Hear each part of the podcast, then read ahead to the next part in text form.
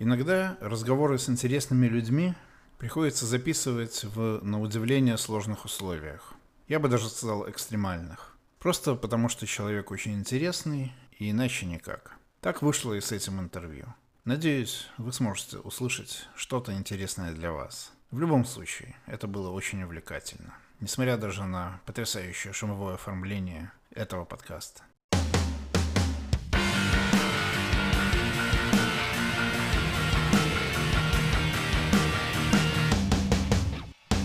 Слушаете подкаст «Белорусы в Украине». Я готова. А, телефоны надо.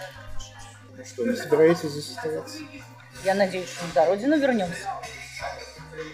Все мы надеялись, когда переезжали. Некоторые уже 15 лет надеются. Слушай, ну я как-то так очень сильно надеюсь, потому что, ну нет, ну как-то как, я понимаю, я знаю твое отношение, Какое мое отношение? что ты со здоровой долей пессимизма на это смотришь. Потому что оно чисто из личного практического опыта. Я понимаю. Причем еще когда я работал на радио, я одновременно работал буквально за углом в белорусской деловой газете «Шеремет». Потому что радио было мое на Захарова 42, да, это все недалеко. там, Мгм. И я жил на, там же, где Бей, на углу Берестянской и Чапаева. М, Вот. А работал вот на Захарова 42, там была радио «Столица», а туда по Первомайской была редакция белорусской деловой газеты. Тогда. Мгм. Я выходил из своего кабинета на радио, приходил в свой кабинет тогда к Шеремету э, в белорусскую деловую газету. Вот. Тогда это было можно. А потом достаточно быстро стало нельзя. Вот. И с тех пор даже не то, что нельзя, а нельзя уже, ну, со- совсем. Поэтому я очень уверен, я могу сказать, что из тех людей, которые тогда собрались в субботу, или когда мы в пятницу собрались? В пятницу, в пятницу, вечером, да. Вот. В общем-то, э, никто, ну, то есть они все приехали на постоянно. Вот. Мы с женой вот тут вот квартиру купили, то есть прямо вот здесь вот работаем. Здесь ну, не видим возможности в ближайшее, что в ближайшее время что-то, хотя я очень бы хотел ошибаться. Ты знаешь что, мне кажется, что сегодня точно никто не знает, и никто не может спрогнозировать, что... Я могу показать результат опроса на моем канале. Мгм. Как раз с женой вчера запулили опрос, если смогла зайти и проголосовать. Прости, пожалуйста, я эти дни просто в такой запаре, дикой, дикой. Вот. Вопрос с ответами людей. Это вопрос времени. Да. А вопрос какого времени?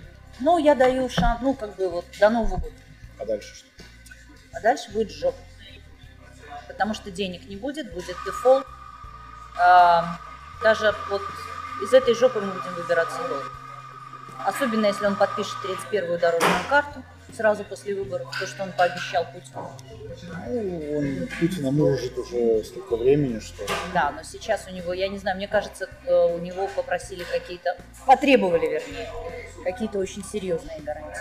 Возможно, его даже предупредили, что, какие как бы, гарантии он может? что если ты не подпишешь, то, собственно, физически тебя устранит, большой, большой проблемы нет. Я думаю, что так и было. Зная методы Вовы, а Вова на него очень злой. А ГБ по-другому не работает, понимаешь? Они могут только угрожать, пугать, Это я знаю. красть детей. Это я знаю. Какие вообще впечатления от Украины? Здесь впервые, не впервые. Нет, конечно. Ну, какие Киев впечатления? один из любимых городов. Ну, до вчерашнего вечера вообще было все прекрасно, скажем так. Вот. Э, Отличный, отличный город, отличная атмосфера, здесь дышится по-другому. Отличный сервис, он очень сильно отличается от того, которому, скажем так, легенькое пренебрежение в Беларуси. Э, Очень приветливые люди, э, красивые пикеты против Кличко, прям вот здание мэрии, все как надо. А, ну, все здорово. Я могу сказать со своей стороны, что мы мониторим это все дело. Почему? Потому что собралось сообщество белорусов вокруг нашего канала, несколько чатов, все такое, ну, да. И мы видим, как буквально, и видим и по своей почте, и по чатам, по всему, что уже идет буквально поток. Даже я бы сказал, последние полтора месяца. Идет поток, чуть ли не каждый день мы видим, отвечаем на вопросы людей, видим этих людей, которые хотят из Беларуси переехать именно в Украину. Ничего Либо- удивительного. Либо решают, куда им переехать.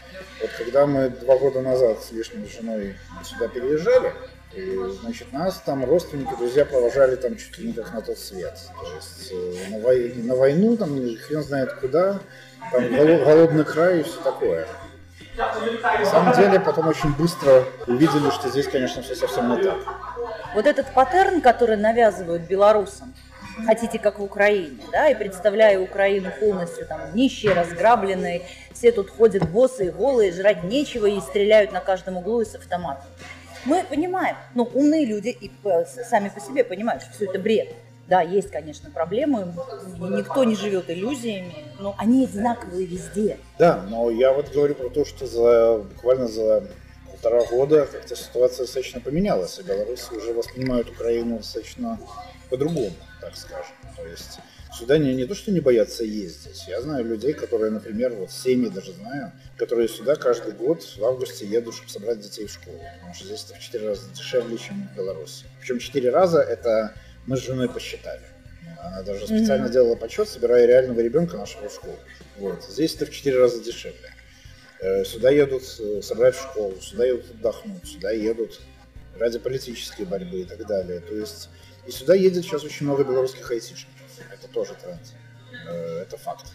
Вот даже на нашей встрече было, был целый ряд айтишников, Мгм. переехавших из Беларуси сюда. Вот. Хотя я хочу сказать, что здесь и журналистам шикарно платят. По себе, по себе могу сказать. Здорово, поздравляю.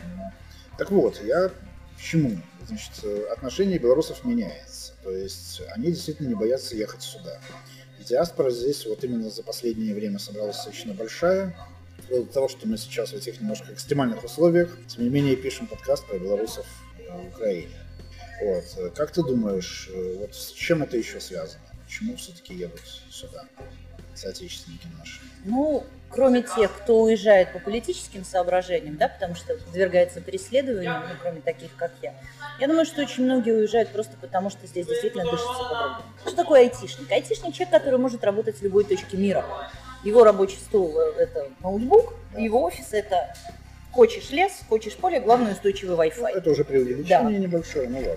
Ну, скажем так, если мы говорим о возможности принципиально удаленной работы, естественно, что все еще зависит от уровня. Мы же это тоже понимаем.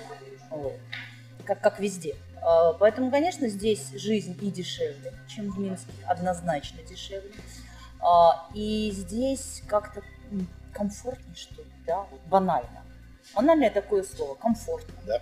Но человеку нравится, Я, когда я ему комфортно. здесь еще безопасно. И, ну, про безопасность тут у меня вчера вопросики возникли, ну ладно. Здесь можно себя защитить. Надеюсь. Да, это, это факт. Э, Дело в том, что здесь даже в любое самое маленькое кафе заходишь и чувствуется другое отношение. Я считаю, что Украина сегодня по уровню сервиса уже обогнала Беларусь намного. Я могу сказать, что Украина третий год подряд получает, не Украина, Киев, третий год подряд получает звание гастрономической столицы Европы. Это вообще прекрасно. Мне, кстати, рассказали, как, какую внедрили систему в поликлиниках детских по поводу, да не в детских, и во взрослых, по поводу заключения, как же это, декларации или там что-то с определенным врачом, которого Да, да, можно да, договор выбрать. с конкретным Да. врачом, семейный врач. Семейный врач. Выбираешь, да. и под тебя поликлиника получает финансирование уже. Да, это реформа Супрун, которую вот сейчас, Ага. к сожалению, здесь сильно критикуют. Ну, в смысле, не реформа, а саму Супрун. Но ее критикуют, конечно, потому что она, она закрыла многие коррупционные схемы. Ну, так это же прекрасно. Да. Во-первых, когда... э, вот у меня лично мои друзья здесь, в Киеве, они с ребенком обошли 5-6 врачей, выбрали себе, да, и довольные. И причем что получается? Получается, если ты хороший специалист, то, соответственно, у тебя и выше зарплата. То есть это прямое, когда люди выбирают именно этого врача. И вроде такое сейчас, насколько я слышала, собираются внедрить в образование. Там там есть встречная проблема. Какая? Да, терапевты стали хорошо получать. Но есть еще узкие врачи, узкоспециализированные. А вот их эта реформа не коснулась. Получается, что у них провал по деньгам, потому что ты условно, условного там уролога или офтальмолога к семье не привяжешь. Ну, можно А. Но мне сказали, что это вот это первый шаг, да, по поводу этих терапевтов. И, по-моему, в течение двух лет уже написана программа выхода Украины на страховую медицину, полностью на страховую медицину. Слишком сильно на Зеленского сейчас давят, чтобы он все это свернул. Всю эту реформу. А что это? Вот, Воровать что- не получается? Потому что, нет, здесь называют соросята или супрун убийца и прочее, прочее. здесь не стесняется в выражениях. Другое дело, что здесь это как бы, ну, скажем так, я расскажу простую историю. Вот мы с женой переехали, а Ага. там обжились немножко еще на съемной квартире. Приезжает сюда семья. Ну, с ее стороны, моя тесть, теща приезжают в гости. Тесть включил телевизор, пультом пощелкал, на всех каналах ругают президента. Вообще на всех. Кроме одного, нет, кроме одного, там мультики. А у президента нет своего канала, где его хвалят? Есть, кстати. Но там тоже ругают. Периодически. Прекрасно. Ну, это, это был Порошенко. Это было при Порошенко Ага. еще, поэтому э, ругать можно было. Мой тесть так пощелкал, пощелкал, посмотрел так с полчаса все эти каналы, выключил телевизор, положил пульс, смотрел, что так можно. Вот, то есть, да, конечно, для белорусов здесь, ну, совершенно другой мир, я с этим согласен. Ну, что я хотел спросить, твое мнение? Я наблюдал сам своими глазами в своей жизни волны эмиграции, связанные с, ровно с каждыми выборами. 2001 год едут э, в Прагу, в Варшаву, потом 2006 год едут в Варшаву, в Вильнюс, 15 год, там было поменьше, мы уехали тоже во многом в Вильнюс, значит, э, ну и вот теперь. Теперь ждать новую волну миграции? Я думаю, да. Политической, да. Однозначно. Я думаю, что да, потому что то, что происходит сегодня в Беларуси, это, это фашизм.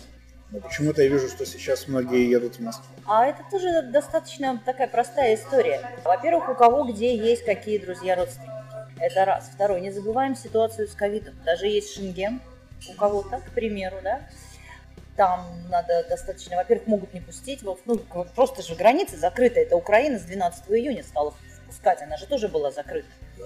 Вот. Россия открылась, до этого она была закрыта, поэтому разъезжаются, знаешь, все как вот, кто куда смог, кто куда прорвался, у кого где были какие-то возможности хотя бы продержаться первое время. Ну, вот как так. Я очень надеюсь, что мы все вернемся.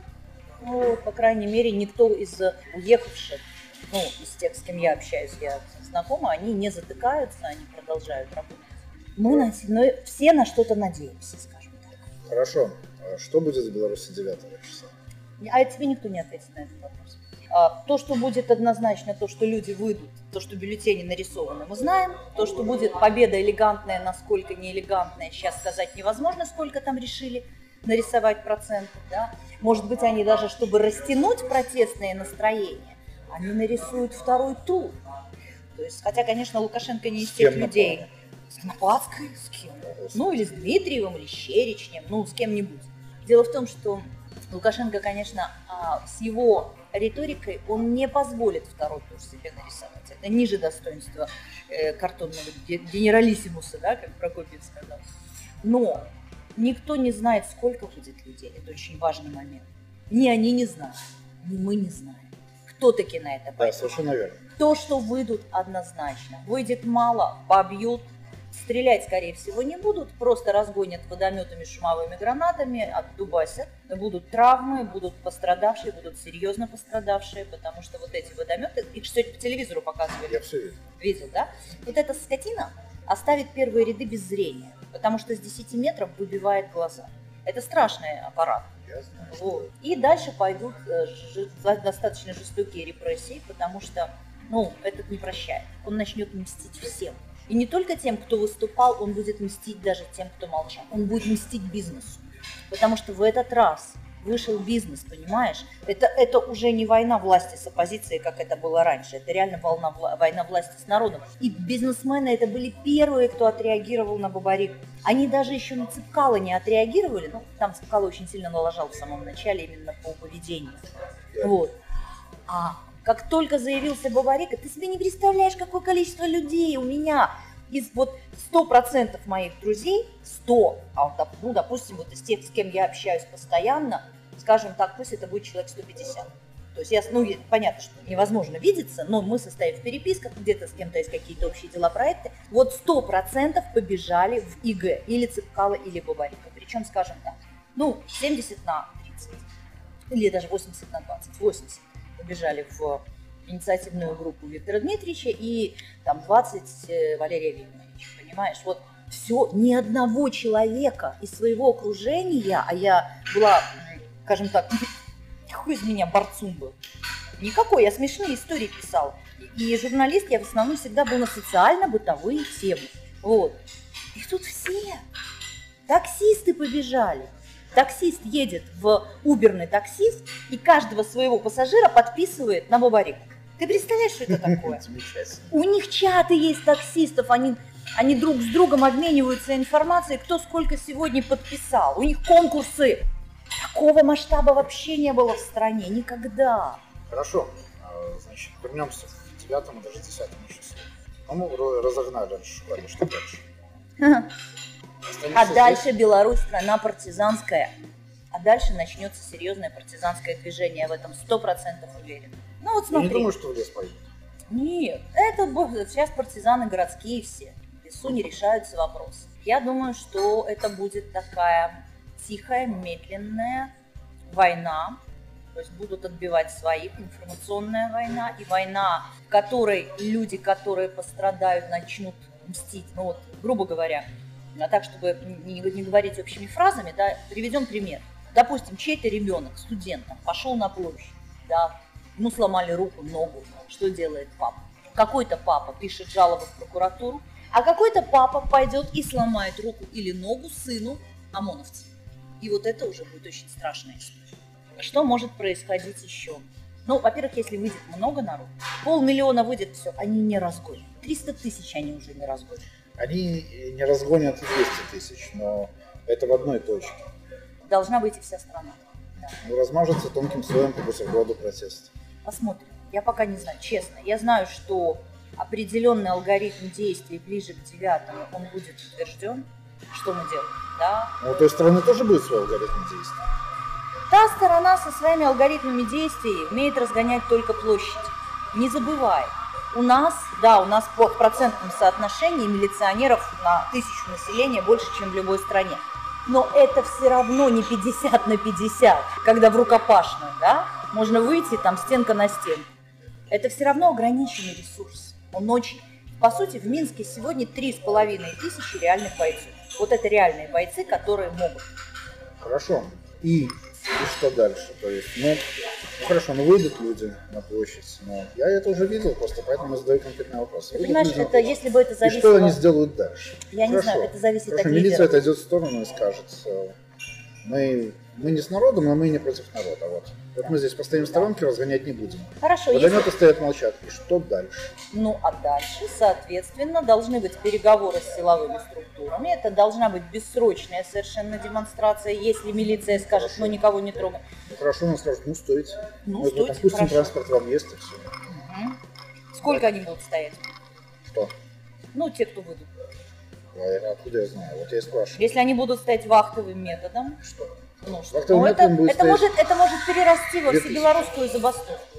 Ну, Слушай, я тоже реально смотрю на вещи. Единственное, что я могу сказать сегодня, сегодня та ситуация, в которой ничего не понятно. И каждый день меняется. И какой еще черный лебедь прилетит? Черный лебедь уже улетел. У меня, я задам вопрос один. Мгм. Как быть в ситуации, название очень простое. А Лукашенко ушел. Вместо него приходит некий коллективный Лукашенко.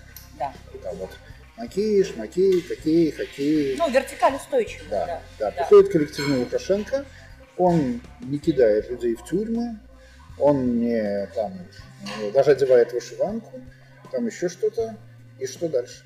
Но это, по сути, это коллективный Лукашенко. Дело в том, что дальше нужно менять вертикаль, менять систему. Если этого не произойдет, то ничего не будет. А Беларусь как продолжала лететь в эту яму, так она туда и... Вот Чем закончится? Ну, понимаешь, голодными бунтами закончится, когда закончится день. Вот смотри, 85% бизнеса, это же не я такой великий экономист, то есть это, это и Чалы, и э, Романчук, да, вот, ну вот все люди, которые, в принципе, могут грамотно об этом говорить, даже если они друг друга сильно не любят, они все равно говорят одно и то же. Вот и не потому, что они друг у друга списывают, а потому что есть цифры, против которых не попрешь. Потому что и Злотников, и Заика Да, все говорят да, одно и то да. же. А тот же Романчук уже приезжает сюда и ищет возможности сюда. Понятно, потому что как бы скроешь. Романчуку тоже будут мстить. Все Ему будут мстить. Да нет, уже он, отомстил. он, он, всё- он будет, он будет продолжать. Я не знаю, ты понимаешь, что там человек с поехавшей крышей, которого, который не то, что никого не слушает, а которого даже не могут, ну, ему никто не, не имеет, не, не может сказать слово против. Никто. Вообще. а крыша уже съехала. То есть он расстреливать начнет или что этих людей, я уже не знаю. Завтра Лукашенко скажет, вот он подгонит всех, допустим, под статью терроризма, которая расстрельная.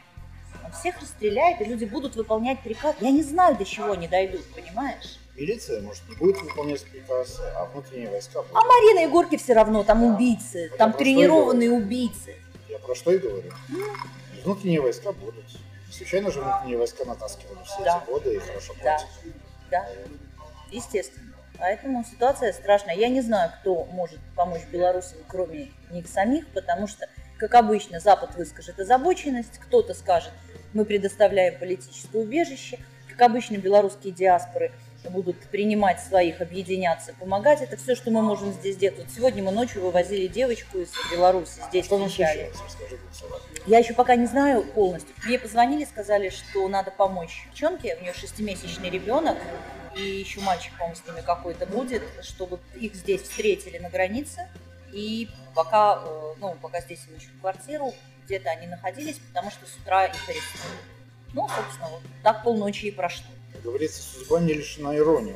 Ладно, я не могу не задать личный вопрос напоследок. Хорошо. Девятого сковырнуться не удалось. Статус кво сохранилось. Пусть еще в худшем состоянии, на уровне ниже. Вот, но объективно, что, чтобы мы сейчас тут не говорили про действительно убитую экономику страны, в чем нет никаких сомнений, но, как говорит Лукашенко, мука будет, чтобы хлеба спичь. А вот э, что будешь делать лично ты? Останешься здесь в Киеве или во Львове или вообще такие? Я знаешь, понимаю, что... э, Сейчас прогнозировать сложно. Нет, я понимаю, да. что я спрашиваю военную тайну, может Нет, быть, но нет. мне лично вот Никакой, ход ни- мыслей, мне, мне ход, твой, ход твоих мыслей Никакой военной тайны нет. Значит, ты же понимаешь, что я достаточно взрослый человек, который, когда принимал решение э, уезжать, да, потому что у меня же был второй вариант, сказать, извините, и заткнуться. Ну, важен. он был. Вот. Так вот, я прекрасно понимала, что вариантов всего два. Либо мы победим по итогу, либо это иммиграция, которая не кончится. Хотя я никогда не хотела эмигрировать, это вот вообще не мое. Мне достаточно комфортно жить вот в том мире, который я вокруг себя создала в Минске. Там столько хороших людей, что меня власть вообще не волновала.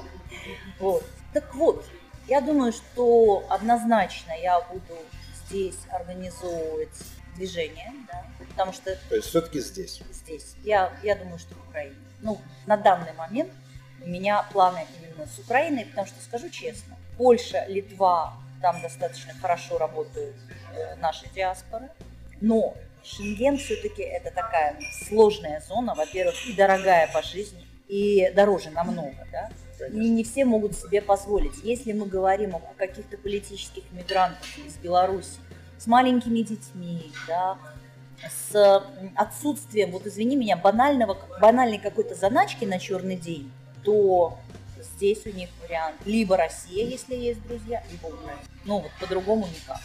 И здесь им понадобится помощь, и в любом случае, даже для того, чтобы продолжать информационно поддерживать движение, да, это, э, делать аналитику. Как минимум я буду рассказывать, что в Украине, ребята, да, есть проблемы, но давайте не путать вот эту кровавую, да, страшную, нищую страну, которую вам рисуют СМИ, с реальными вещами, которые происходят в Украине. И я думаю, что с учетом уже сформированной у меня белорусской аудитории, я думаю, что это будет востребовано. Неважно, мы не знаем, как будет дальше. Ну, блин, мы не знаем, ни ты не знаешь, ни я. Мы не можем даже предположить. Значит, на этом мы закончим пока. Огромное спасибо. С нами Тебе была спасибо. Татьяна Мартанова.